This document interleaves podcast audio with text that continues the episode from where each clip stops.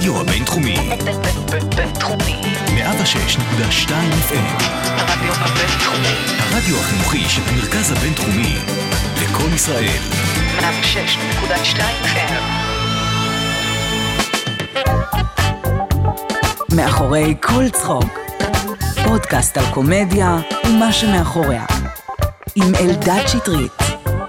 יואו יואו, מה קורה אנשים? ברוכים הבאים ל"מאחורי כל צחוק", הפודקאסט היחידי בארץ שמביא לכם את כל האמת מעולם הסטנדאפ והקומדיה בישראל. אני אלדד שטרית ואני כאן ברדיו הבינתחומי בהרצליה, מאוד מאוד נרגש לקראת הפרק הזה. אה, היו כמה פעמים ששאלתי בעמוד של מאחורי כל צחוק איזה אנשים הייתם אה, רוצים לשמוע כאן בפודקאסט, ואחת התשובות שקיבלתי הכי הרבה הייתה אריק זילברמן, אחד מוותיקי הסטנדאפיסטים בארץ. אה, אנחנו נדבר איתו על הרבה מאוד דברים, בעיקר על... אה, הוא כל כך הרבה זמן בתחום, יש כל כך הרבה דברים לשאול אותו על זה. הוא כותב, הוא, הוא, הוא היה בקומדי סטור, הוא כתב והופיע במהדורה מוגבלת בביפ, במשחק מכור. אה, הוא כתב תסריטים ל- לארץ נהדרת, למועדון לילה, למחוץ לחוק, לצחוק מהעבודה, לשמש, כל כך הרבה דברים שהאיש המיוחד הזה והמצחיק מאוד הזה עשה. אה, אני מאוד שמח לארח אותו כאן היום, ואני בטוח שהולכת להיות תוכנית מעולה. אז uh, אנחנו נשמע עכשיו קטע סטנדאפ של אריק זילברמן, ומיד אחרי זה גם נדבר איתו. אז בלי יותר מדי הקדמות, קבלו את אריק זילברמן. בוא'נה, התחבורה הציבורית השתפרה פה בטירוף? לא מספרים לנו את זה, אה?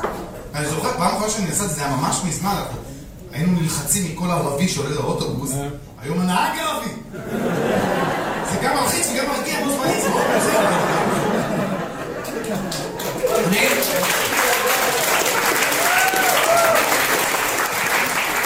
יש לי נהג קבוע שלוקח אותי לקריית אונו עכשיו, אני עברתי לקריית אונו, עזרתי את השכונה. כן, יש לי נהג קבוע, קוראים לו עבד, יש לו כזה סטיקר עם סלוגן, טוב שההגה בידיים של עבד. עכשיו הוא לוקח אותי בלילה פה אחרי ההופעה, וזה רק אני והוא באוטובוס, זה אוטובוס פרטי. הוא שומע רדיו בפול ווליום, דרשות בערבית במסגרת. אין לי שום דבר נגד, אבל אני רק מקווה שהם לא מחממים אותו על יהודים. כי רק אני שם בשביל שהוא יוציא את העצבים, זה אין עוד מישהו ב... אתה נוסע להגנה, פונה לאצ"ל, ואז ללח"י, משה דיין, ששת הימים, כל שנייה הכרוז מזכיר מישהו אחר שציין את המשפחה שלו, אתה יודע? כל הלילה. אריק אה, זילברמן, ברוכים הבאים למאחורי כל צחוק. נכון. תודה שבאת. תודה לך שאתה מארח אותי פה. אתה מאוד רדיופוני, כמו שאמרנו לפני שהיינו באוויר. נכון. זה שאריות שנשארו לי, וגם אני קצת יואבי מאוהבי על הקול שלי, כשאני מתחיל לדבר, אז מיד אני... כן, אתה נראה כאילו עברת משהו. אתה נראה כאילו אתה בתקופה מעניינת, אה, תקופות מעניינות, כן. אבל לא בקטע רע, כאילו לא. אתה משהו מאוד שלב, משהו מאוד שלב בך. אה, יש איזה משהו מאוד שלב אה, שמגיע עם הגיל, כן. שווה לחכות משהו. עכשיו, למרות שפעם אחרונה שראיתי אותך היה קצת, היה קצת משהו יותר תזזיתי. זה תלוי באיזה מצב אני נמצא עם בת זוג שלי, זה תלוי בהרבה דברים, בכמה עבודה יש לי. כשאין לי עבודה אני מאוד לא רגוע. אוקיי. וכשאני עובד, אז אתה יודע, זה הכל, הכל טוב. אז על מה אתה עובד עכשיו? אה, עכשיו אה, פתחנו עוד קורס במסגרת הקאמל קומדי סקול. ואני מלמד סטנדאפ. אני לוקח אנשים שמעולם לא דרכו על במה, ותוך אה, חודשיים וחצי מוציא אותם אה, חיות סטנדאפ. איך מלמדים סטנדאפ? אתה רואה? זה, זה יש שם, קודם כל זה 20 שיעורים ו-10 הופעות, כי אין משהו שמלמד אותך סטנדאפ יותר מהקהל. מה, נכון. אה, והרעיון הוא... אה, הרעיון הוא לפתוח לאנשים את, ה... את הנשמה של עצמם. אתה יודע, מתי... זה... מי מגיע לקורס הזה? זה מתחיל בזה. אוקיי, מי מגיע לקורס הזה? כי מגיעים לקורס הזה אה, גם חבר'ה צעירים שרוצים להתנסות. זה כמו, זה כמו טיול מאורגן מול טיול רגיל. אוקיי. אתה יכול ללכת עכשיו לטרקים, להיזרק בקיבינימט, כשאתה אה, צעיר ומלא ביטחון. כשפספסת את זה קצת, אתה אומר, אוקיי, אני צריך פה איזה יד מלווה, ואני היד המלווה פה. ש- אני, אני לוקח אנשים, ש... יש לי בחור עכשיו מצחיק נורא, בן 46, סוחר מכוניות, כל החיים שלו היה איש עסקים. היה לו חלום פעם, והוא קבר את החלום הזה בשביל המשפחה ובשביל מה שצריך לעשות. אבל החלום הזה הוא לא עוזב, הוא לא משחרר אותך. הוא תקוע לך איפשהו שם, ואז בא מישהו ואומר לך, בוא, תן לי יד, הולכים להגשים את החלום. זה אבל- עשרה שבועות של שיכרון חושים, זה מטורף. תשמע, כשאמרת, כשהשווית את זה לטיול מאורגן אל מול טיול לבד, אוטומטית אני רץ לזה שסטנדאפיסטים במהות שלהם עושים, זה, הם עושים סטנדאפ כי הם לא רוצים שום מסגרת, שום uh, סמכות, שום uh, הכוונה. אז, אז, אז בוא תספר לי קצת על הטיפוסים שמגיעים לשם, במה הם שונים מסטנדאפיסטים שפשוט עושים את זה בלי לבוא. אה, זהו, שיש לי גם אה, מדי פעם, הייתה לי תלמידה אה, בת 18, מהממת, לולה. שהגיעה כי זה, אתה יודע, הייתה במסגרת בית ספר, והתאים לה לקחת קורס כזה מאוד ברור, מאוד מובנה, לא לרוץ עכשיו לחפש במות. יש לך במה כל שבוע. כל שבוע אני עובד איתם על ארבע דקות של סטנדאפ. חדשות, כאילו. אוקיי. ואנחנו עולים עם, עם... אנחנו פותחים את החיים שלהם. עושים פאוזה על החיים, אוקיי? של, של מהנדס מחשבים בן 50, סוחר מכוניות בן 46, אה, חובש אה, שהרגע השתחרר מהצבא ועדיין מחפש את עצמו, חבורה של אנשים, אה, בחורה שהיא מרצה, וכל אחד עם הסיפור חיים שלו, עושים חפירות פנימה. תשמע, הרבה סטנדאפיסטים שישבו פה אמרו שהשנים הראשונות, החומר בכלל לא משנה. כל מה שמשנה זה הניסיון הבימתי והכלים שאתה צובר ורוכש בתקופה הזאת שאתה מסיר מעצמך. הרי אתה יודע כמה זמן לוקח להרגיש בנוח על במה. אני אגיד לך כמה זמן לוקח. זה בוא בערך, תגיד לי. אה, כן. אה, קודם, בן כמה היית ב-1990? הייתי בן ארבע. אז כשאתה היית בן ארבע, אני הופעתי בדומינו גרוס. הגדול, כן. אני הייתי תלמיד של וילוז'ני. שהוא בעצם הקים את הקאמל, נכון? אה, הוא בעצם הקים את הקאמל עם בן זיידל, כן. באיזה שנה? ב-93. שאגב, ראיתי שהיום יצאה התוכנית, אה, הסדרה פאנץ', שמספרת באיזשהו אופן על המאורעות. עקבתי. לא. לא, אתה לא. שמעת על התוכנית הזאת? ברור, כן. זה יותר על מה שקרה בדומינו גרוס, הבנתי, כן. אבל אה, כן. התחלתי בדומינו גרוס, כי זה מה שהיה. איזה שנה? 1990. 90, אוקיי. הייתי, אה, כאילו, וילוז'נה לקח אותי מהכיתה, אתה יודע, מבית צבי, אה, כשעשיתי סטנדאפ מול הכיתה וכולם מתו מצחוק, כי כולם מכירים אותי. אמר לי, זה מעולה, אתה חייב לעשות את זה על במה. והביא אותי לדבר על במה, ואני מתתי. כי לא הייתה שם שום אמפתיה. הם לא באמת ידעו מי אני. הם לא הכירו את הסיפור חיים המטורף שלי. כל הסטנדאפ שלי, אני דיברתי להורים שלי, על אבא שלי שגוסס, על דברים קשים כאילו, ממש. בהופעות הראשונות זה מה ש... זאת ההופעה הראשונה שלי, כן. זה שאבא שלי גוסס, אז כבר, הוא כבר 16 שנה גוסס, אתה מבין? זה נהיה סוג של תחביב בבית. אז דברים כאלה. וזה על הפרקינסון שלו, שהוא, כל פעם שהוא ניגש לצלחת ויוצא לו... אני אומר, "אה, רגע, אבא רוצה לנאום, או שטויות כאלה, אתה יודע, איך העברנו את המחלה עם הומור ודברים כאלה. זה לא עבר קהל. אז uh, בפעם השנייה שבאתי, אני uh, uh, לקחתי קטע של וודי אלן. וניסיתי לעלות עם חומר שהוא לא שלי, כי קודם כל אני שחקן, אני יכול לעשות טקסט. התרסקתי מאוד. ובפעם השלישית באתי וסיפרתי על הילדות שלי uh, בנתניה. וזה קצת היה יותר מוצלח, אבל עדיין, אני רעדתי, אני לא, אני לא איך להסביר לך, התייבש לי הפה, רעדו לי הידיים והרגליים, אני עמדתי שם עלה נידף. אה, ולקח בערך שנה, אה, שבה אני כמעט לא הופעתי. אני מדבר איתך על בסך הכל חמש הופעות בשנה הראשונה. לא היה איפה באמת. מהמם. סגרו אז את הדומינו גרוס, לא היה איפה להופיע. ואחרי שנה פתחו את הדומינו גרוס אה, מחדש, ב... ואז אה, אמרו לי, אה, אמירם גרוס התקשר, אמר, אתה עדיין עושה סטנדאפ, בוא תארגן אצלי ערב. התקשרתי לקופאץ' ולרובי דואניאס ואפרת קייזמן, שלמדה איתי בבית צבי, והרמנו ערב שקראו לו אף מילה לבריטים, ששניים עפו די מהר ונשארנו אני וקופאץ'. והיינו, כן, ערב סטנדאפ, היינו, אתה יודע, בסך הכל תשעה סטנדאפיסטים בארץ. וואו. תשעה איך, סטנדאפיסטים. קודם כל, לא התחלת בגיל כל כך צעיר, אני, אם אני עושה חשבון נכון, היית כבר מעל גיל 30. מה פתאום, אחי, בן כמה? אני 60. נסחפת לא, טיפה, לא. אם אתה, אה, בן כמה היית כשעלית פעם? ב-90? הייתי בן 23. אה, אוקיי. כן. אוקיי, היית בן... אז נולדת ב-76. נולדתי ב-67. 67, אבל אני גרוע במספרים. כן, בשנת 90 הייתי בן 23, ככה זה עובד. כן, ככה זה עובד. כן. מה היה, מצ... אז מה, תספר לי קצת על הסטנדאפ בשנים האלה, מה היה, אה, מה היו, כאילו, מה... אה, היה מועדון אחד, שזה היה דומינו- דומינו גרוס, שהתחיל אה, בפיצריה, ואז הצליח, ועבר להיות דומינו גרוס הגדול ביפו, ואז פשט הרגל, ואז לא היה כלום. בגלל זה דומינו הפיצה, אה, בגלל זה? כן. ובצד השני היה את אה, המרתף העליון, ששם הופיעו איצ'ה ודני רכס, ואני ממש מונה לך אותם כן. בשמותיהם, מודי בר-און, דבי ונולי, יעקב כהן, וילוז'ני, גיל קופת, שנאור ציון ואני. וכמה זה היה זה סטנדאפ פחות כמו או שאנחנו... יותר היה... וואו, ורמי שטרן כמובן, אוקיי. כמה זה היה סטנדאפ איך שאנחנו מכירים את הפורמט היום? מה היה שם, אה, שאתה, מה, איך זה, הניצנים של זה, איפה זה התחיל?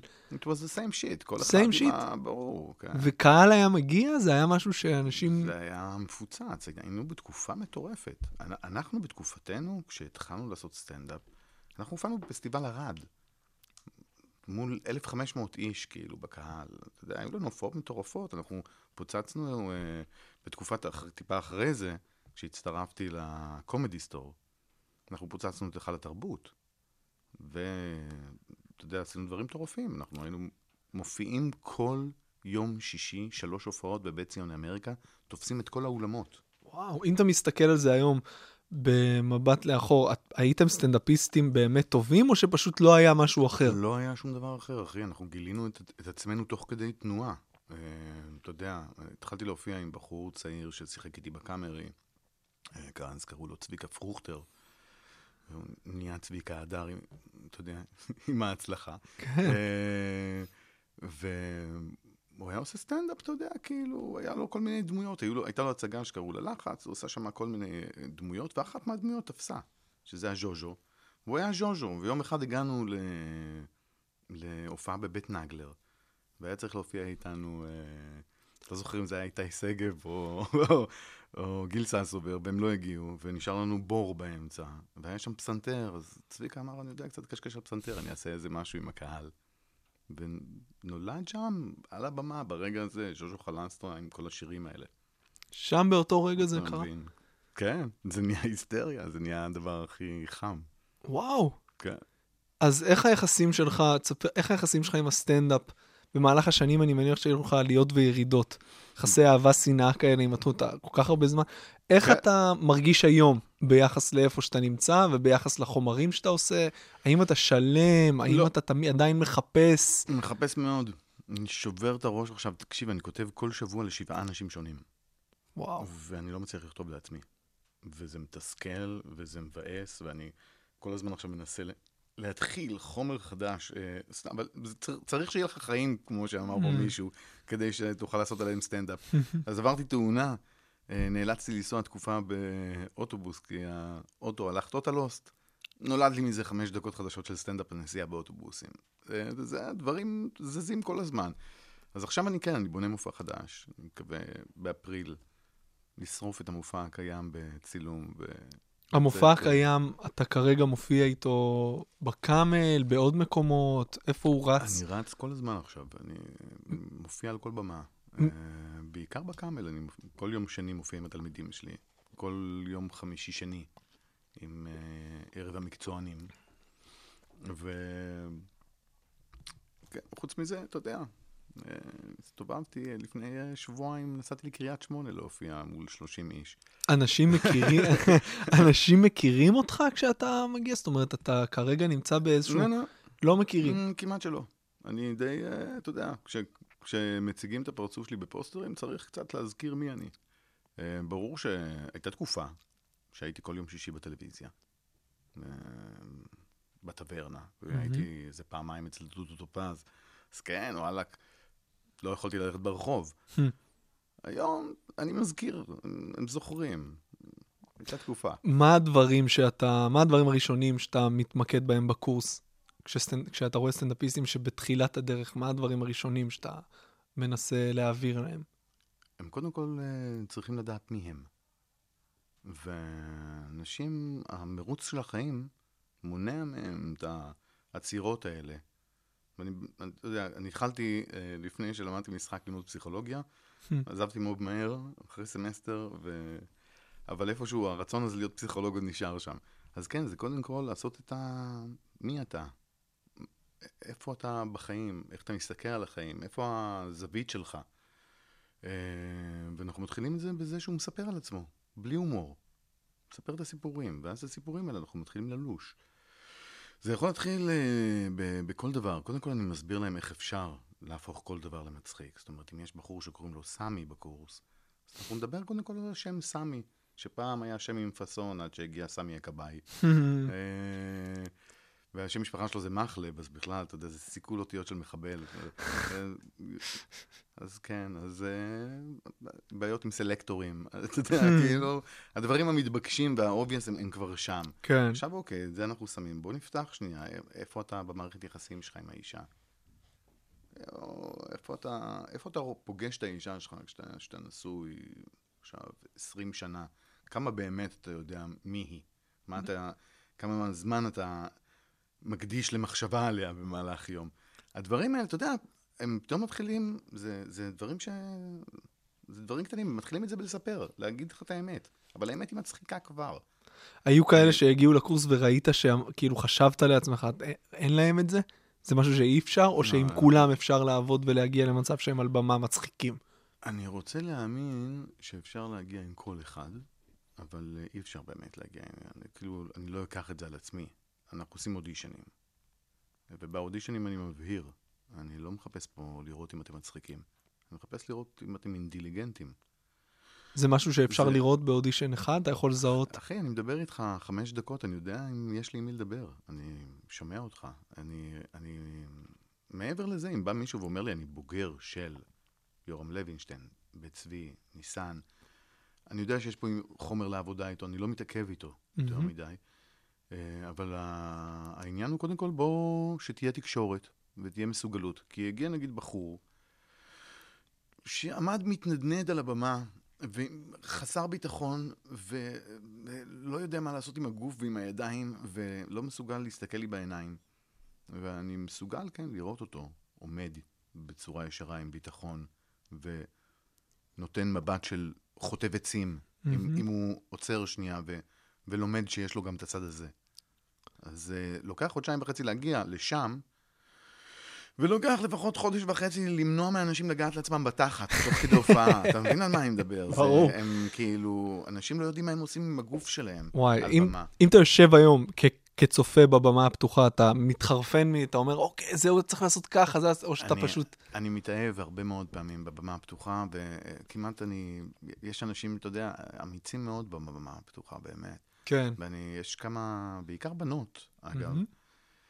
עם עומק ועם איזו ראייה אחרת שלא היה עד עכשיו. יש איזו חבורה חזקה מאוד של בנות שמסתובבת בתל אביב. הייתי בכמה הופעות שלהם, ממש... תשמע, סטנדאפ היום נמצא באיזושהי פריחה. אני לא כן. חושב שהיו כל כך הרבה הזדמנויות. אתה יודע, אתה התחלת בתקופה שלא היה כלום חוץ ממה שאמרת. אז דווקא אז- זה בדיוק העניין, דווקא אז היו ההזדמנויות. כי כשפתחו את ערוץ 2 והיו צריכים תוכנית, אז למי הם הרימו טלפון?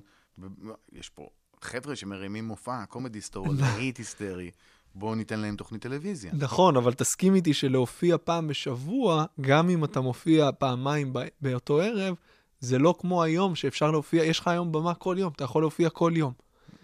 אה, אנחנו הופענו כמעט, אתה, לא מבין כמה אנחנו הופענו. הופ- אנחנו, אני ב... היו לי הופעות סגורות לצבא ולחברות, הייתי נוסע כל שבוע להופיע בים המלח.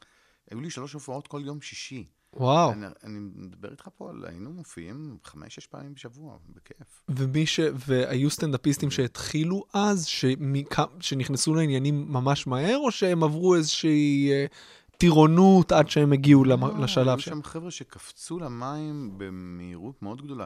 איתי שגב, למשל, הוא התחיל עם, אה, בצוות, כאילו, עם, עוד בחור, היה לו בדומינו גרוס, הוא רץ שם איזה תקופה, לפני שהוא הבין שהוא יכול לעשות את זה לבד בסטנדאפ. אבל מהרגע שהוא התחיל לעשות סטנדאפ, הוא נהיה כוכב בן לילה. כאילו, אוקיי, רצנו שנה, אבל אתה מבין, זה, כל מקום שהוא הגיע, הוא היה lovable, אנשים היו משוגעים עליו, אנשים היו עפים מהדמות שהוא הביא שם. מה לדעתך הביא לפריחה הזאת של הסטנדאפ שנמ... היום שאנחנו רואים? קודם כל נכנסו מלא אנשים לסטנדאפ, אה, אני חייב להגיד, אני אחראי על ה- כן, קצת מהפריחה הזאת. כן. אה, ואני אגיד לך יותר מזה, כי זה באמת, זה מתקשר לשאלה ששאלת קודם, האם כל אחד יכול לעשות. סטנדאפ. אני, כתבתי תוכנית שקראו לה משחק מכור. אה, מה שנקרא, הוורסיה הראשונה של גב האומה.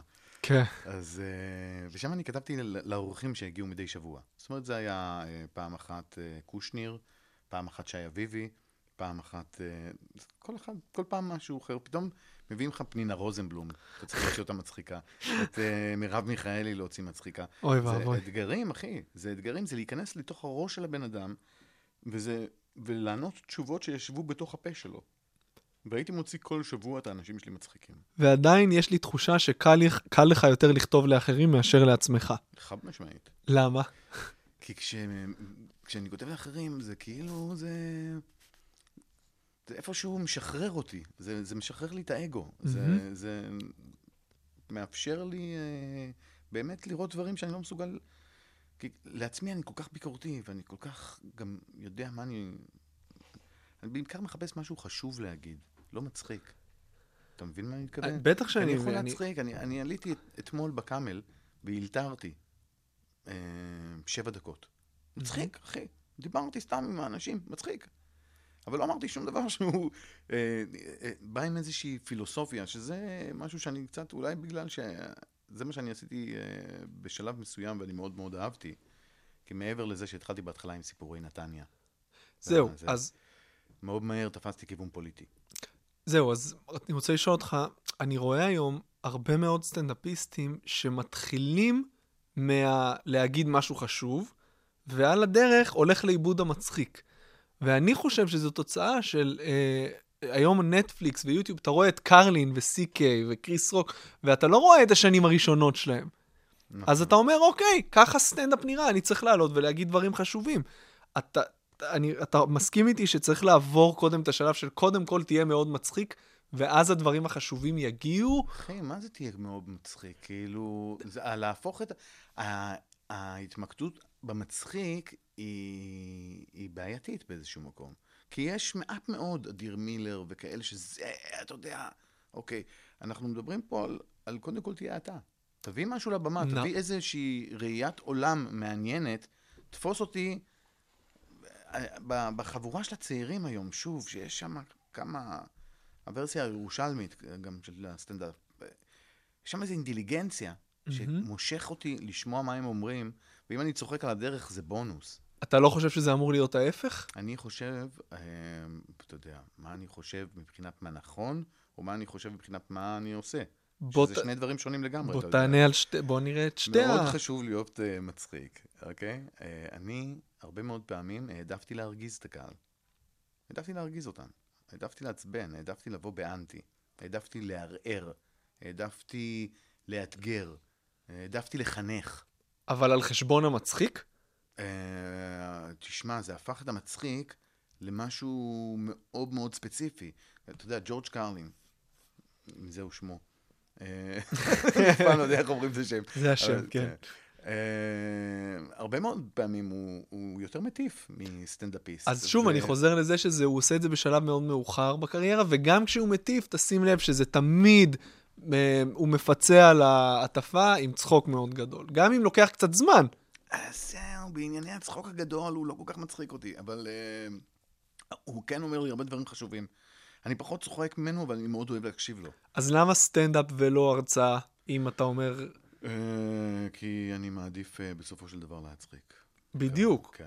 אז בדיוק, אז... בסופו של דבר, כן, אני אחפש את הטוויסט. אני, אני, כשאני בא עכשיו להגיד שגזענות זה דבר מסריח, אני לא אבוא ואגיד שגזענות זה דבר מסריח. אני אעשה סיבוב שלם, שבו אני אקח את הקהל איתי למסע שהם לא יודעים איפה הוא ייגמר, בסופו של דבר הם יגלו שהם גזענים מסריחים. אתה מבין מה אני מתכוון? אבל אני אעשה את זה מצחיק בדרך, זה ברור. בדיוק, בדיוק. אתה לא יכול לעשות את זה, להכעיס אותם בלי להצחיק אותם. זה ברור. אי אפשר. אז לכן אני אומר, אני רואה היום הרבה מאוד סטנדאפיסטים שזה הולך לאיבוד המצחיק, על חש... ב... ב... בשם האמירה, אני יכול uh, לסלוח לזה עד גבול מסוים. עד גבול מסוים. כן. כן. כן. אמ, כן, אני בפירוש, אתה יודע, החבר'ה, שוב, יצא לי לראות אתה יודע, כל הערב הסטנדאפ המיותר, כן. והחבר'ה האלה, שהם הם מביאים איזושהי אינטליגנציה ש... וחינניות, מהמם. שוואלה, לא תמיד אתה נקרע מצחוק בהופעה, אבל אתה, אתה נהנה. זה, זה, זה סוג אחר קצת של... אה, זה, זה סוג טיפה יותר מלו של ה... זה פחות ה... הפאנצ'ים, הלהקות הקהל, וזה לגיטימי. וזה לגיטימי, אני... קיבלתי את, את, את, את, ה, את הלגיטימיות הזאת מהרבה אנשים שהיו אומרים לי, אחי, אתה כל הזמן מתאמץ להביא פאנץ' איפה שלא תמיד חייבים. וכמו רמי אויברגר, ומי ש... לא חשוב. כתבתי איזה סדרה, והעורך כל הזמן היה נגנב מזה שאני בכל אה, עמוד יש לי מספר פאנצ'ים קבוע, הממ. ואני מסיים כל סצנה בפאנץ', והוא אומר לי, "זה- אז החיים לא תמיד נגמרים בפאנץ'.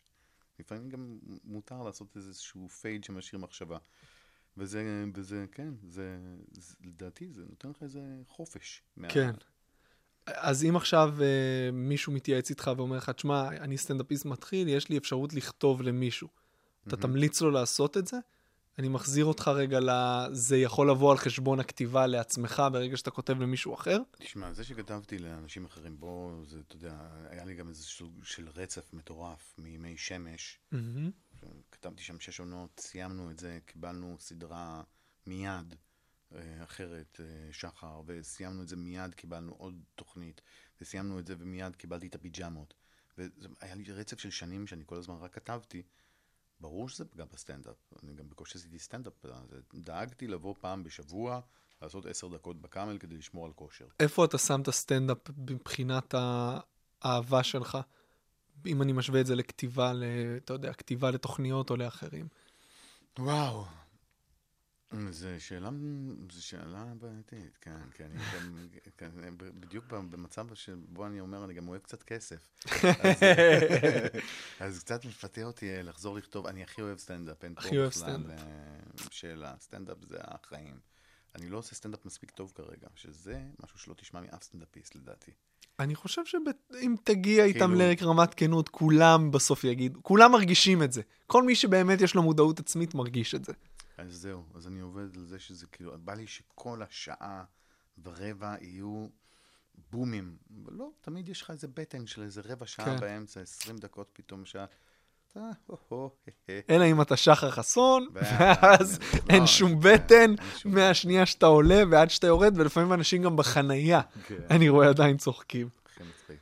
איך אתה יוצר ברמה הפרקטית, אם אתה עכשיו, אה, זה מתחיל תמיד מרעיון שאתה מפתח על דף או על במה, איך זה עובד אצלך? יש לי קבוצת וואטסאפ מהמם. שנקראת אה, אני ועצמי, ואני מתכתב עם עצמי באופן יומי. אה, ואני כאילו, יכול להראות לך את זה, זה הכל, הכל, הכל נמצא פה. קבל. כן, גם אתה. תראה איך-. איך קוראים לקבוצה ב- למעלה, ב pin to top. תספר לי אחרי זה. לעצמי. אה, לעצמך, אוקיי. אז אני ככה, אני מקליט פה קטעים, אני רושם פה כל מיני שטויות. אז אתה יודע, סתם עכשיו חשבתי על אה, ביבי, כאילו... אז, כאילו, מה אם הוא גנב? אז מה? אז מה, מה, אין לכם חבר גנב? זה הקטע שאנשים... זה בעיקר אשכנזים, הם נטפלים לגנבים כל הזמן. אבל החבר הגנב לא מנהל את המדינה, זה ההבדל. זה, זה, עזוב אותך, זה בקטנות. זה, זה לא שהוא לא יכול לנהל את המדינה בגלל שהוא גנב, אתה מבין? זה, זה שטויות הרי. זה, יש לו קצת דבק באצבעות. אני פשוט, אני בא, אני גדלתי, אתה יודע, בנתניה, אני גרתי עכשיו כמה שנים בכפר שלם. חלק מהחברים שלי, אני יודע שוואלה, הם באים הביתה, לפעמים לא הכל נשאר בבית כמו שהוא היה. אז אם... אתה מקבל את זה, זה הכל בסדר, הם אנשים טובים, רק אה, בסדר, אצבעות דביקות. אז נניח שכתבת בטלפון, אה, ביבי גנב, איך אתה, מה קורה מאותו שלב עד שזה מתפתח לקטע על הבמה? אז עכשיו אני מתחיל אה, לחשוב על, אוקיי, אני, אני עכשיו רוצה נגיד, לה- אני רוצה השנה להצביע ביבי. אוקיי. כי בא לי פעם אחת ללכת לסוס מנצח. עכשיו זה משפט שאני יכול לקחת אותו עכשיו לסטנדאפ, והוא הוא יצחיק כמו שהוא הצחיק אותך, כן. ואני יכול להמשיך את זה לאן. אה, אז כן, אני יכול להגיד, אני- שנים אני זרקתי את הקול שלי לעלי ירוק. ומפה לצאת עכשיו לבדיחת, אה, אה, ניסיתי להוציא אישור, רופא שאל אותי ממה אני סובל, אמרתי לו, אני סובל מזה שאני צריך לשלם 100 שקל לגרם, ולברוח לשם, ולחזור בחזרה לביבי בעוד אה, שני משפטים אחרי שפתחתי פה שנייה על עלי ירוק. אה, ואני יכול לקחת את, אה, זה קטע שאתה מכיר, שאני כבר עושה אותו, לכמה טוב פה. כן, האמת זה ש... אה, אני זוכר, הופענו הופענו בקופינס, נכון. בצור משה, וראיתי אותך עושה את זה ומאוד כן. נהניתי. כן, כי טוב פה בטירוף, אתה יודע. כל כך טוב פה, שאנשים מוכנים ללכת ברגל כל הדרך מאריתריאה, להיאנס על ידי סודנים, רק כדי לגלות את הטוב שיש לתחנה המרכזית להציע. עכשיו, ברור שאתה אתה אומר פה דברים, כאילו, אתה יודע, אני גם אומר, זה, מבחינתם זה ארץ זבת חלב ואופניים חשמליים, אני כאילו... וטוב להם פה, הם מבסוטים מהמדינה, הם, הם רואים את האתיופים יוצאים להפגין, הם רואים, תראו את החמוצים האלה. אז מי קיבל את הסתירה פה בתוך המשפט הזה, אתה מבין? אם, אם יש לי רצון, וזה בעניין, אני מחזיר אותנו לדבר על מה שחשוב. כי יש לי רצון להגיד כמה דברים על מה שקורה פה, אוקיי? עכשיו, כשאני מתחיל את זה, אתה לא יודע מי יקבל את הסתירה בסוף. ואני חושב שזה שאתה אומר פתאום על האתיופים שהם חמוצים, מחזיר אותך לבן אדם הנכון שצריך לקבל את הסתירה הזאת, שאיתו אתה התחלת, שזה ביבי, שאני לא, אני הולך להצביע השנה, אוקיי? סגרתי פה איזה סיפור כן, עם מעגל. כן, בדרך, ברור שחייב גם להיות פאנצ'ים. בדיוק. איך אתה מרגיש שהקהל בארץ מקבל אה, הומור פוליטי בסטנדאפ? לרוב מבסוטים. כן? גם, היה- גם מי שימני, ואני אומר לו in his face, כאילו, שהכי... אני, אני יכול לפתוח את זה פה? ברור. כן, אני שואל, אה, יש פה שמאלנים בקהל, ולרוב הם פחות עונים, כי שמאלנים למדו, אתה יודע, להנמיך את ה... כן. כן, בואו לא נעשה יותר מדי רעש, זה מה שנקרא, לפחות צד אחד הפיק לקחים מרצח רבין. שזה כאילו ה... ואז אה, כשאני, יש לי קטע לשמאל, ואז כשאני פונה ל- לימנים ואני שואל, אה, עד כמה ימני בין 1 ל-10? הרבה מאוד צועקים 11. וואי. ואז אני אומר, אוקיי, נגיד דבר כזה, אם יש כפתור שכשלוחצים עליו, כל הפלסטינאים נעלמים. פוף, אין יותר בעיה פלסטינאית, אני בדרך כלל לא מספיק להגיד אין יותר בעיה פלסטינאית, וזה, איפה הכפתור, לוחצים, ו... ואז אני, אני אומר, כאילו, וזה בטח מבאס אותך שמשווים אותך לנאצי, נכון? ובצדק, כאילו, כי אי אפשר להשוות, אי אפשר להשוות. בכ- כאילו, לנאצים היה מוסר עבודה, הם ידעו מה הם עושים, הם עבדו כמו יקים, אתה מבין? הימים פה בארץ, הם חאפרים, הם מסוגלים לעשות שואה? למה יש לנו מערכת רכבות? לך תעשה שואה, כי שר התחבורה שלך זה ישראל כץ. זה יהיה הרי שעות של פקקים באיילון זה יהיה בסוף, אי אפשר יהיה לקחת את הילד לגן, אתם הפריפריה רוצים לעשות... כן, אני יכול לקחת כן. את זה ב- למקומות, אתה יודע, זה יהיה חייב לבוא עם המון פאנצ'ים, אבל בסופו של דבר, מה שאני מעביר פה לאנשים זה שאין לכם בעיה עם רצח עם, הבעיה שלכם עם ה- עם העבודה הקשה. תשמע, זה יפה, אם אתה מצליח אה, לקחת קהל ימני איתך למסע הזה, ולהרגיש שהם איתך, ושהפאנצ'ים מצחיקים אותם, והם אפילו לא חושבים כאילו על כי זה- האג'נדה. כי זה גם אני, כי אני לא אומר פה איזה משהו שלא עובר לי בראש. כל הקטע הזה נוצר כשנסעתי עם עם אחות שלי ברכב, וברדיו דיברו על תאונה נוראית בצפון, שמונה הרוגים. אתה אומר, יואו, איך אנשים נוהגים ככה? ואז הקריין אמר, ההרוגים הם מהכפר דיר אל. ושנינו יצא לנו, והסתכלנו אחד ונקרענו, כי הבנו איזה גזענים אנחנו באותו רגע. אז, כן, וזה לא באמת גזענות. אני היום, אני, אחרי שהייתי צריך לכתוב מופע שלם בשביל להבין שזה לא גזענות, זה איזה, זה איזה מעגלי קרבה שאנחנו אה, כל כך הוטמענו לתוכם. כי בעיניי ריב בין יהודים למוסלמים, אחי, זה כמו ריב בין טכנאי של הוט לטכנאי של יס. כן. מה זה? אתם קרטל הרי, מה זה? זה, זה, זה, לא, אני לא באמת בתוך הדבר הזה, ועדיין, אם יש יהודי שנפגע, זה איכשהו יותר כואב. זה איכשהו, זה, וזה, וזה שזה כואב, זה מצחיק אותי. אבל זה מאוד, כי זה, האנושיות פה היא המצחיקה, זה- כי ה... זה מאוד טבעי וגם נראה לי אבולוציוני, שככל שהבן אדם יותר קרוב אליך, אתה יודע, מעגלים, אין ברור. מה לעשות. עם בני עמי ועם ארצי נכון. ועם כל העולם והאדם. כן. כן. מה, אני לוקח אותך רגע שוב להתחלה, מה היו השאיפות שלך כשהתחלת להופיע? או שבכלל לא חשבת על זה, פשוט רצת קדימה, כי, אתה יודע, זה היה... וואו, מה היו, השאיפ... מה היו השאיפות שלי? השאיפות שלי היו uh, לשחק uh, תפקידים ראשיים בהבימה. וואלה. כן. השאיפות שהיו להקים תיאטרון, היו לי שאיפות מאוד גדולות בהתחלה. כמה- אני- כמה אני סיימתי לימודי- את בית צבי, כאילו, עם... וואו, הייתי בטוח שאני הולך לכבוש את העולם. אני הרגשתי טוב מאוד. שיחקת הרבה בתקופה הזאת? לא. אמ, איך שסיימתי את בית צבי, סיימתי את בית צבי, הייתי התלמיד הכי עני בארץ. אני, Hmm.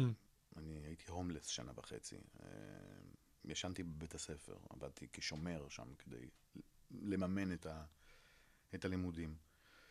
אה, וסיימתי עם חובות, סיימתי עם חובות בכל תל אביב, פחות או יותר. לא היה מקום שלא הכיל אותי בחינם בתקופה הזאת. לכן עזבת את תל אביב.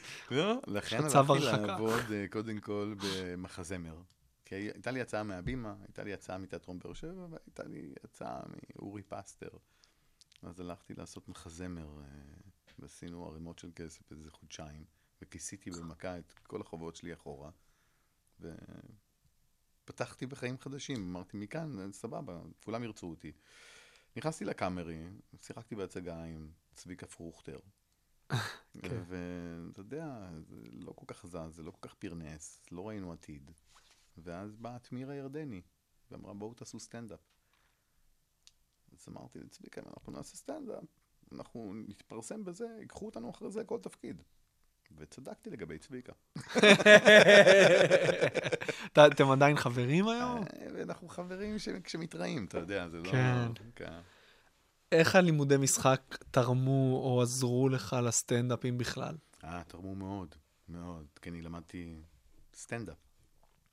בבית צבי, אוקיי, כחלק מלימודי המשחק. אבל לא, אבל לא, הם לא, הופעת במקביל או שרק למדת ברמה לא, הטובה? הופעתי במקביל, זה בדיוק ה... אה, אוקיי. הייתי המצטיין של הכיתה, ווילוז'ני לקח אותי ביד, ושם אותי על הבמה של הסטנדאפ, תוך כדי הלימודים.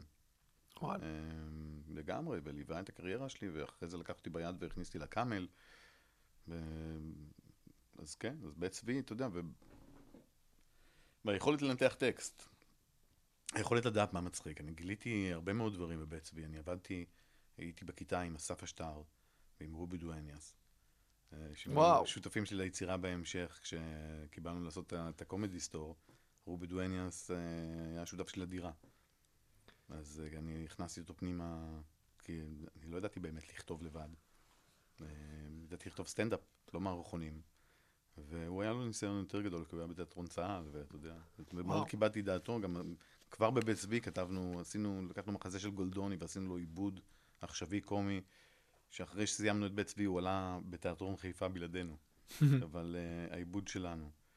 Uh, אז קיצור, עבדנו כבר ביחד, uh, גרנו ביחד, אז uh, עשינו תוכנית טלוויזיה ביחד, ואסף אשטר שהיה איתנו במנגבים בשרוול, והוא אחד האנשים הכי טובים ומצחיקים שיש. אז... אה, הוא עשה סטנדאפ או שלא? לא, הוא עשה...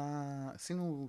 היו לנו שתי הצגות, מעופפי רשפון ומנגבים בשרוול, אני שיחקתי במנגבים, ואסף שיחק במנגבים, והרבה בוגרי ניסן שיחקו במנגבים בשרוול, זה היה של גורביץ'. לא, במעופפי רשפון. וקיצור, כן, אה, הוא לא עשה סטנדאפ, אבל הוא היה מאוד מצחיק בטירוף. זאת אומרת, הוא, עם השטויות של העברית, הוא היה עושה גגים מאוד מצחיקים. זו הייתה אחת ההצגות הכי מצחיקות שהיו בארץ, לדעתי. מה, מה השיעור הכי גדול שלמדת על עצמך במהלך השנים שאתה עושה סטנדאפ? בעקבות הסטנדאפ? וואו. קח את זה לאן שאתה רוצה. יפה. יכול לפצל את זה. לקטגוריות. תשמע, אמ, לפעמים אתה צריך להיות פחות מצחיק, זה סוג של שיעור שאני יכול לתת עכשיו בלייב, כאילו. כי, כי אני עשיתי הופעה, הייתי מאוד מצחיק, ומישהי התאהבה בי והתחתנו, ועשיתי לה שני ילדים, ואז התגרשנו, ועד היום אני משלם על הפעם הזאת שהייתי מצחיק, אתה מבין? בוא נדבר על זה, נגיע לזה. זה- האמת שזה מאוד מסקרן אותי. כן, איזה שיעורים, אחי. אתה קודם כל, אה, זה, זה... אתה, אתה כל הזמן לומד. אין פה... אני מרגיש שאני לגמרי בשיעור מתמיד. אני עכשיו עובר סוג של שיעור בניסיון כתיבה של מופע חדש, שאני מכריח את עצמי כל יום לתת זמן כתיבה. ויוצא מזה דברים... יוצא מזה זה דברים, לצערי הרב, יותר מדי מהדברים שיוצאים, אני פשוט נותן אותם לתלמידים. וואלה. זה, אה, ברמה הזאת. מה, מה, איך... יצא לי עכשיו קטע, אתה יודע, על האשכנזים ומזרחים. אני לא יודע אם הוא, אם הוא ראוי בשידור, מה שנקרא, הוא עוד לא נוסע על במה, זה ברמה הזאת, אבל הקטע שכל הזמן אומרים שמזרחים, אה, יש יותר מזרחים בבתי הכלא. אני אומר, אוקיי, סבבה, יש יותר אשכנזים דקורים. קחו דברים בפרופורציות, חבר'ה. תכל'ס זה לא נכון, כי הם דוקרים את עצמם. כן, בסדר, אתה יודע, אבל... אה, זה מנגנון השמדה עצמית מאוד יעיל. אה, וחשבתי על זה שכאילו שאשכנזי נהיה קללה. אתה יודע, והוא מצרפים אליו את יא קילול. קריאה כאילו, כן. יא- יא- יא יא אשכנזי. יא שמאלני, כן. יא הומו, זה השילוב. אז אה, אז זה נהיה יא אשכנזי, ואתה בחיים לא תשמע מישהו בא ואומר יא מזרחי. אלא אם כן הוא רוצה להידקר. יא מזרחי, זה אפילו לא מצטלצל כן. נכון, אף אחד לא אומר את זה. אף אחד לא אומר. זהו, אתה יודע, אז התחלתי לכתוב קטע כזה, ועכשיו תלמיד שלי כתב לי קטע על אה, זה שהוא חושב שהאשכנזים הם המיעוט המקופח היום. והוא, זה, זה, הקטע שלו היה מאוד דומה לקטע שאני כתבתי. אמרתי, קח את הפאנצ'ים האלה, תכניס אותם פנימה, ישפרו לך את הקטע. ועשו לו קטע זהב. הוא מדבר על זה שאין... אה, מתי פעם אחרונה שמעת על זמר אשכנזי שפרץ? אתה מבין? וזמרים מזרחים פורצים כל הזמן. תכלס. לפעמים ברדיו, לפעמים כדי לשלוף את הרדיו.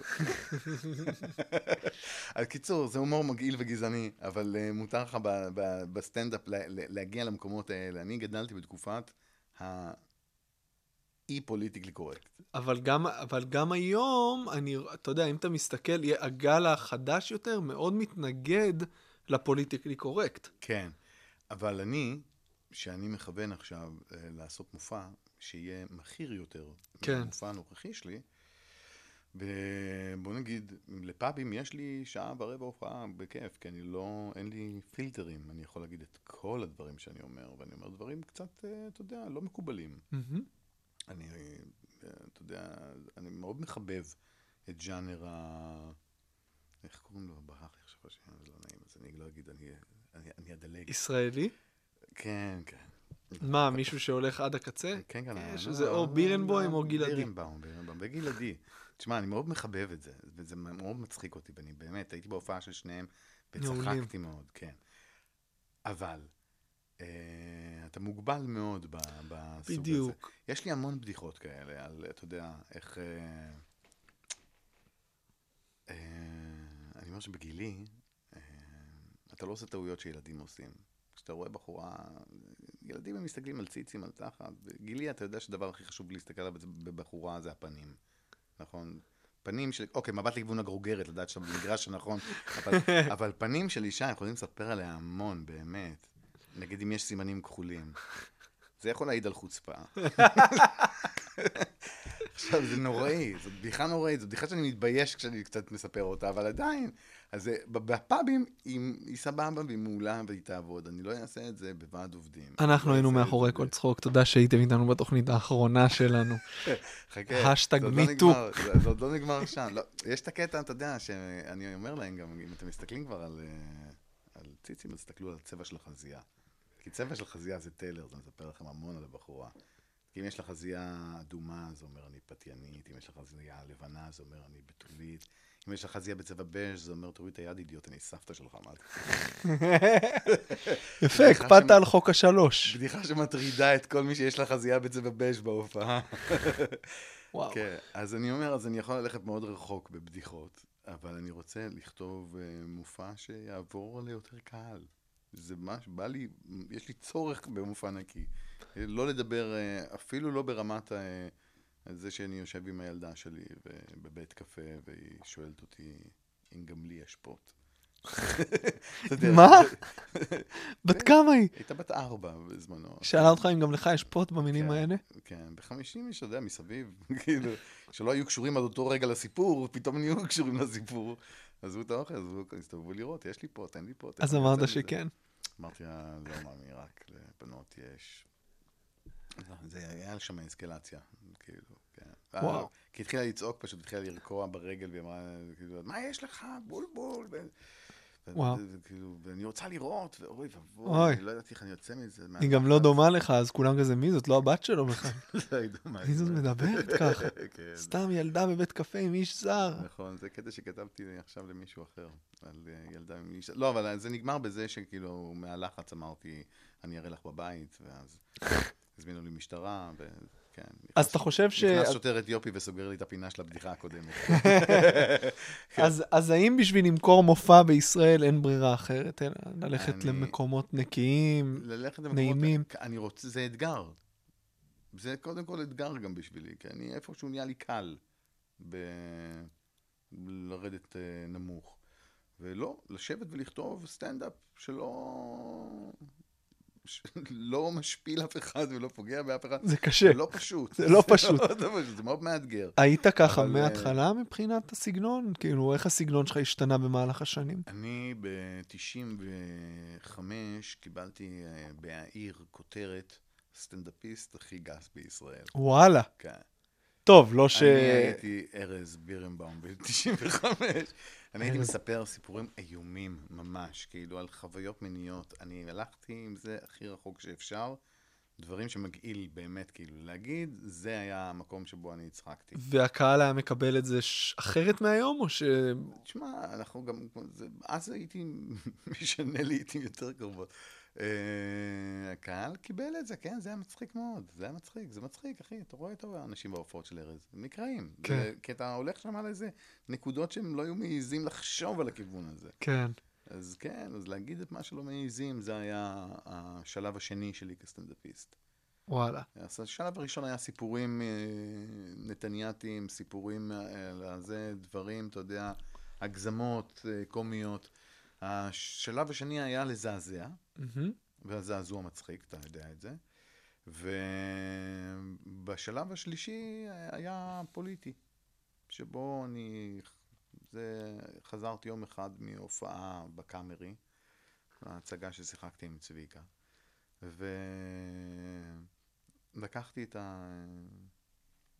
הלכתי לחבר ודפקתי לו בדלת אה, בתור אה, קצין אה, נאצי. כי אתה אומר, כן. זה קטע שולי הנאצי, תוך קצין. כן. דפקתי לו בדלת וצעקתי, והוא פתח את הדלת והוא הוא נקרע. ועכשיו אה, הוא אמר לי, אתה חייב לעשות את זה, זה שוב רובי דואניאס. הוא אמר לי, אתה חייב לעשות את זה בתור סטנדאפ. סטנדאפ של פשיסט מטורף, שונא אדם.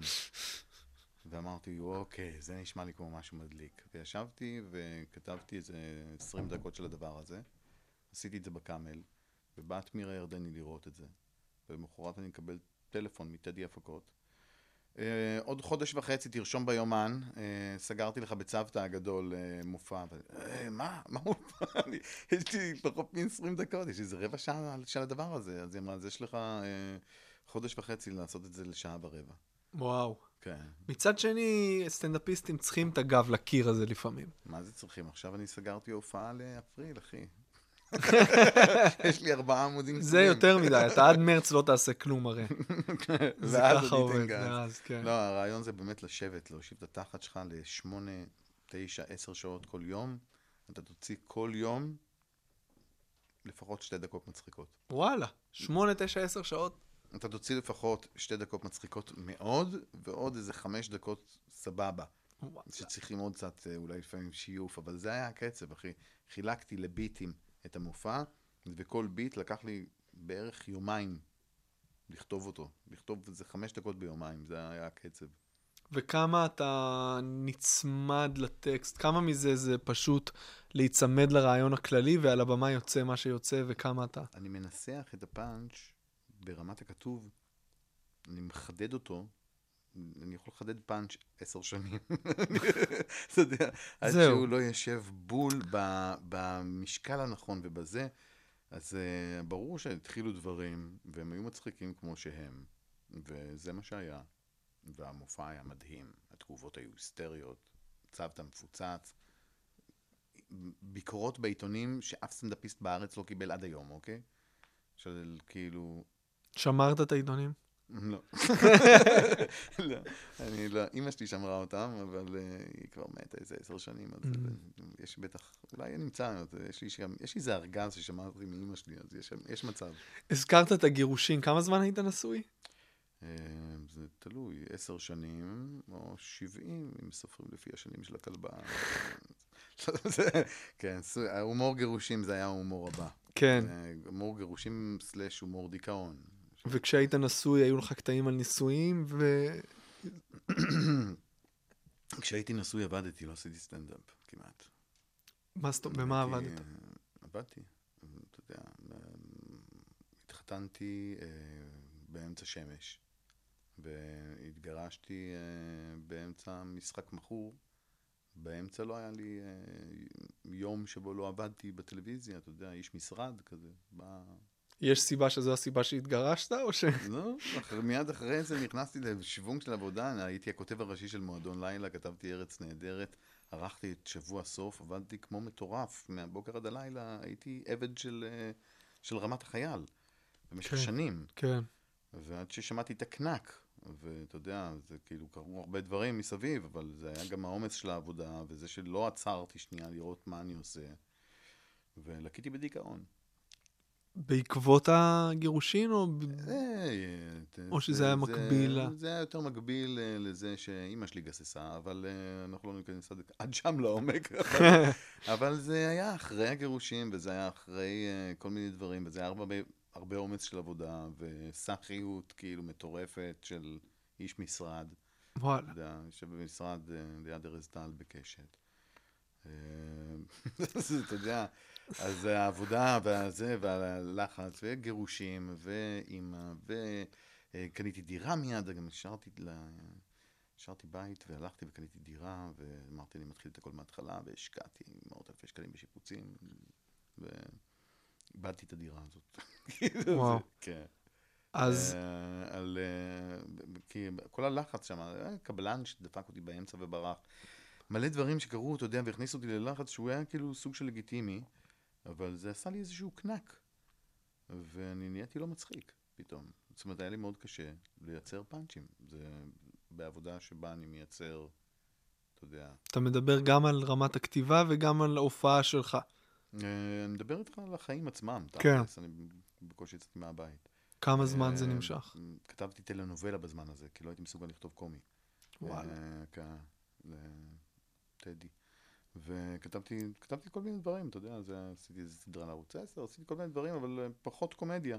כי איפשהו לא הצחיק אותי שום דבר כבר, זה באותו רגע, אתה יודע, זה בעיקר, אה, לקח לי איזה עשרה חודשים להבין שאני בדיכאון אה, עמוק. ומה קורה עם אה, הופעות בתקופה הזאת? כלום או שאתה עולה ואתה לא מצחיק? אני לא מסוגל אה, להופיע, אני לא, אני, אם אין איזה מו- מוטיבציית שיא, אני לא רואה שום מצב שבה אני... ואז אה, רועי וגורי התחילו לעשות ערב. הוא אמר לי, רועי, בוא, תתחיל לעלות עשר דקות. בוא, תחזור לכושר. ווואלה, חייב לו עד היום, אתה יודע. אני הייתי שבור לגמרי ולא מצחיק, ועליתי ודיברתי על הדיכאון שלי, ודיברתי על הרצון שלי למות. אבל שהוא מפגר, כאילו, לא איזה משהו שאני שולט בו. אז אני הולך ברחוב ואני רואה עצים, כאילו, וואו, ירוק, איזה יופי, ואני מסתכל על הגזעים ואני אומר, אני יכול לתלות את עצמי לעץ הזה. עד כדי כך? מחשבות נוראיות, כאילו. לא, אני מדבר איתך, כאילו, דיכאון קליני, אחי. עד כדי כך. כן, אה, זה היית בטיפול או... ברור. עזר? עזר, אתה יודע, עזר. יותר באיזשהו שלב אני עזבתי טיפולים והתמקדתי בסטנדאפ. שזה היה הטיפול. וזה היה תרפיה מאוד גדולה. וסטנדאפ דיכאון גם תפס נורא טוב. כן. אתה יודע, ובדיחות התאבדות, כאילו, מסתבר גם יכולות להיות מצחיקות. איך הופכים אה, נושא כל כך קשה בחיי היום-יום שלך למשהו מצחיק על הבמה? אה, תכלס, אה, איך אתה מדבר על גירושים? אתה יודע, איזה טראומה מטורפת זה גירושים באמת, כאילו, אם אנחנו עוצרים ולא מסתכלים על זה קומית. ברור. אני לא יודע איך אפשר... זה טראומה מטורפת. ברמה כזאת שאני לא יודע איך אנשים שהם לא כן. סטנדאפיסטים מתגרשים. אבל אם אתה עוצר שנייה ומסתכל על זה, אומר, וואלה, אני עשר שנים פה, אה, אתה יודע, עברתי עם אישה אחת, ואני עכשיו יוצא לעולם חדש, ומגלה את הכל מחדש. וכל מה שאני מגלה זה מצחיק. זה מצחיק, אתה יודע, כי אני בתקופתי, נגיד, אני, אני הלכתי מאוד רחוק גם פה, אבל אני לא הכרתי את העניין של נשים שמתגלחות. לא ידעתי שיש דברים כאלה. אני, פעם ראשונה שראיתי היטלר, אני נכנסתי במועל יד. אני אה, למדתי המון דברים מההתחלה, כאילו, וזה מאוד גירה אצלי איפשהו את הרצון אה, לכתוב את זה ולעשות את זה על במה. וזה עבד. אבל אתה מדבר על הטראומות שלך, ואתה יודע, הטראומות שלנו זה מה שמצחיק. אתה מסכים איתי שכל שינוי דרסטי בחיים של סטנדאפיסט אה, מובילות לשינוי טוב, חיובי בקריירה? וואו. אה, אני לא יכול להגיד לך שכל דבר כזה, אבל אה, אין ספק ששינויים הם אה, מטלטלים את הבן אדם ומביאים אותו לקצוות שלו, כן? כן. אתה נאלץ, כשאתה נאלץ לעצור ולנתח את החיים שלך, באמת, וזה זה סוג הדברים שאני עכשיו כותב לעצמי, והם לא מצחיקים עדיין, כי אני כרגע מנתח קצת את עצמי פסיכולוגית. מהמם. למה אני חושב ככה? אה, אפילו ברמת הלמה הפוליטיקה כל כך מעניינת אותי, שכל יום אני קורא את הכותרות של העיתונים, וכל יום אני מתבאס מחדש, אני אומר, לא אעשה את זה יותר. אבל אני, אני כאילו, גם השייכות שלי, הזהות שלי, הדברים כאילו שהם... אה, עכשיו, אם אתה מתגרש, אחי, זה פותח עולם חדש. אם uh, עברת תאונת דרכים, זה פותח לך עולם חדש. אם, uh, לא יודע מה, אה, כל דבר שהוא... אה, כל דבר שמשנה לך את החיים. קמת, נסעת, עזבת עכשיו את הארץ לחצי שנה, אתה חוזר עם סיפורים, אחי, שזה מטורף, כי פתאום המוח שלך יותר ערני לדברים החדשים שקורים. יצאת מהשגרה. אה, אני ב-95 עזבתי את הארץ, התחלנו מקודם לדבר על ניצני, שאיתו התחלתי קצת את הקריירה שלי. אה, אני עזבתי את הארץ, אה, ונסעתי לעשות סטנדאפ בניו יורק, וללמוד בלי שטרסברג. אה, זו הבטחה מעורפלת ל... לקורס של בוגרים של בתי ספר מכל העולם. זה היה קשקוש גדול, אבל... כן, וגרתי דלת ליד יונתן גפן. וואלה. וואלכ, ויום אחד הגיע אה, שר האוצר לשעבר לבקר אותו, יאיר לפיד. אה, פגשתי במסדרון, אמר לי, מה אתה עושה פה? אמרתי, "אה, עברתי לניו יורק. אז הוא אמר, תשמע, אני מחפש אותך בטירוף בארץ, יאיר ניצני. רציתי שהוא יעשה אצלי אה, פינה, הוא אמר, רק אם אריק זילברמן כותב אותה, אני אעשה את זה. די. אז אה, איזה מזל שמצאתי אותך. אה, פחות או יותר אה, רשם סכום על מפית והחזיר אותי לארץ. כמה זמן היית שם בניו יורק? אה, חצי שנה. והופעת באנגלית, לא בעברית. הופעתי באנגלית, כמובן. והיום, אתה יודע, יש הרבה במות בארץ באנגלית. כן. לא קורץ? קצת. לא, למה לא? כן? כן, עולה אצל? שחר. אה, לא? מגניב, כן. יפה, מגניב, לא יצא. אמ, איך הולך? לא מזמינים אותי הרבה, אז... לא, הייתי, אה, אני חושב שהייתי שם איזה פעמיים בסך הכל. אמ, קודם כל אני מאוד אוהב את הערב, הלכתי כן. לראות אותו כמה פעמים, הוא מצחיק אותי בטירוף בעברית ובאנגלית. הוא ויוחאי, שגם כן. מעולה. אחי, אני גידלתי פה באיזשהו מקום את הדור הזה, אתה יודע. זה... מה זה באיזשהו מקום? אתה... יוחאי ספונדר, אני זוכר אותו, ילד פרח מגיע מבית שאן שם. לא, הוא מהגולן. כזה, לא, הוא לוקח אותי להופעות שם.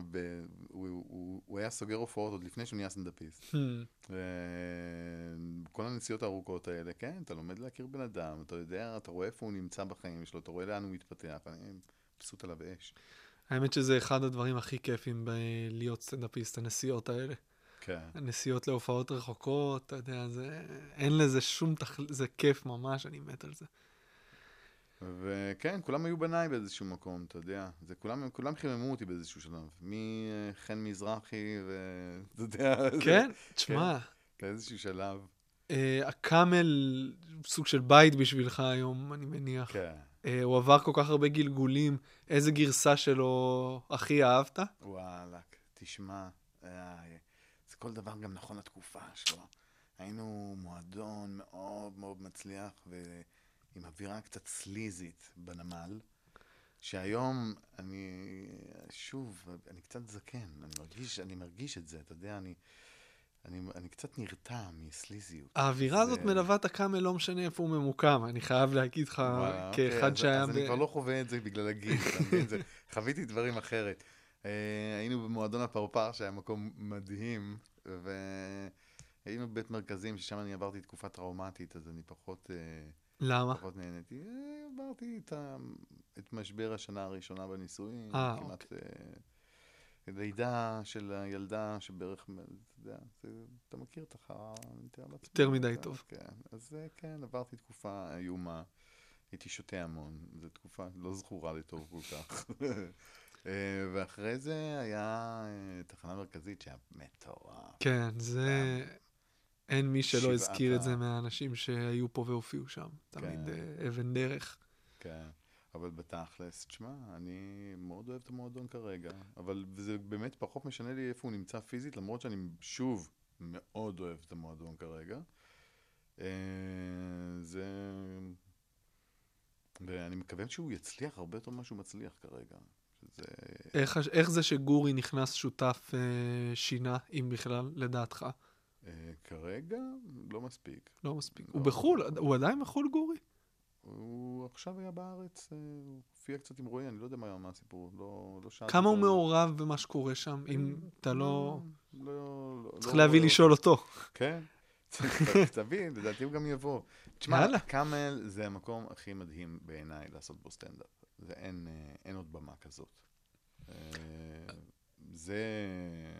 כל הבמות הן מדהימות, צריך לשלב את כולן ולהופיע כמה שיותר. אני מופיע, אני מופיע כן. כמה שיותר, אחי, אני באמת, אני לא צוחק איתך, אני הולך לפאבים, אני מופיע מול 30 איש, אני נוסע, אני מתחיל עכשיו איזה דרך קצת של סטנדאפיסט חדש, שזה כאילו, יש בזה משהו מאוד מאוד מגניב. נראה לי שזה התחום היחידי שאתה יכול כאילו להתחיל, לה- להגיע לזה, להתחיל מאפס שוב. כן. יודע, זה מטורף, סטנדאפ זה, וואו, אי אפשר להשוות את זה לדעתי לאף אמנות אחרת, כן.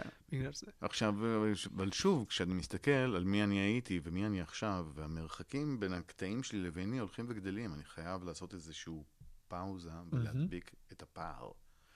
כי אני עדיין מדבר על הגירושים שלי, אני פחות מדבר על זה, על החברה שלי, אני רק בזמן האחרון התחלתי לפתוח את זה. אנחנו fucking שמונה שנים ביחד.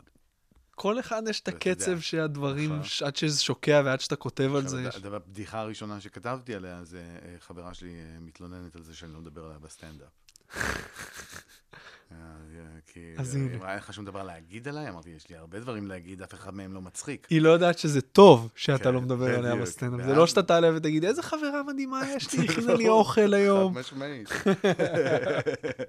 אז אה, כן, אז עכשיו אני מתחיל לדבר עליה, ואני מאוד נהנה מהדבר הזה, אבל אני לא מסוגל עדיין להזמין אותה לראות, Mm, ואני לא מסוגל שהיא יושבת, כשהיא עוברת מאחוריי, אני. עובר דף בזה שהיא לא תראה מה אני כותב, כי אני כותב דברים לפעמים, אחי, אני כותב, אני כותב אה, קודם כל את האמת, רק קיצונית. אוקיי. טוב, אנחנו לקראת סיום, אז יש יאללה, פה... לא אה, הספקנו אף שאלה לדעתי. עשינו את כל השאלות. את כל השאלות. יש פה שאלה אה, של גולש, שאני נותן לאנשים בעמוד אפשרות לשאול שאלות.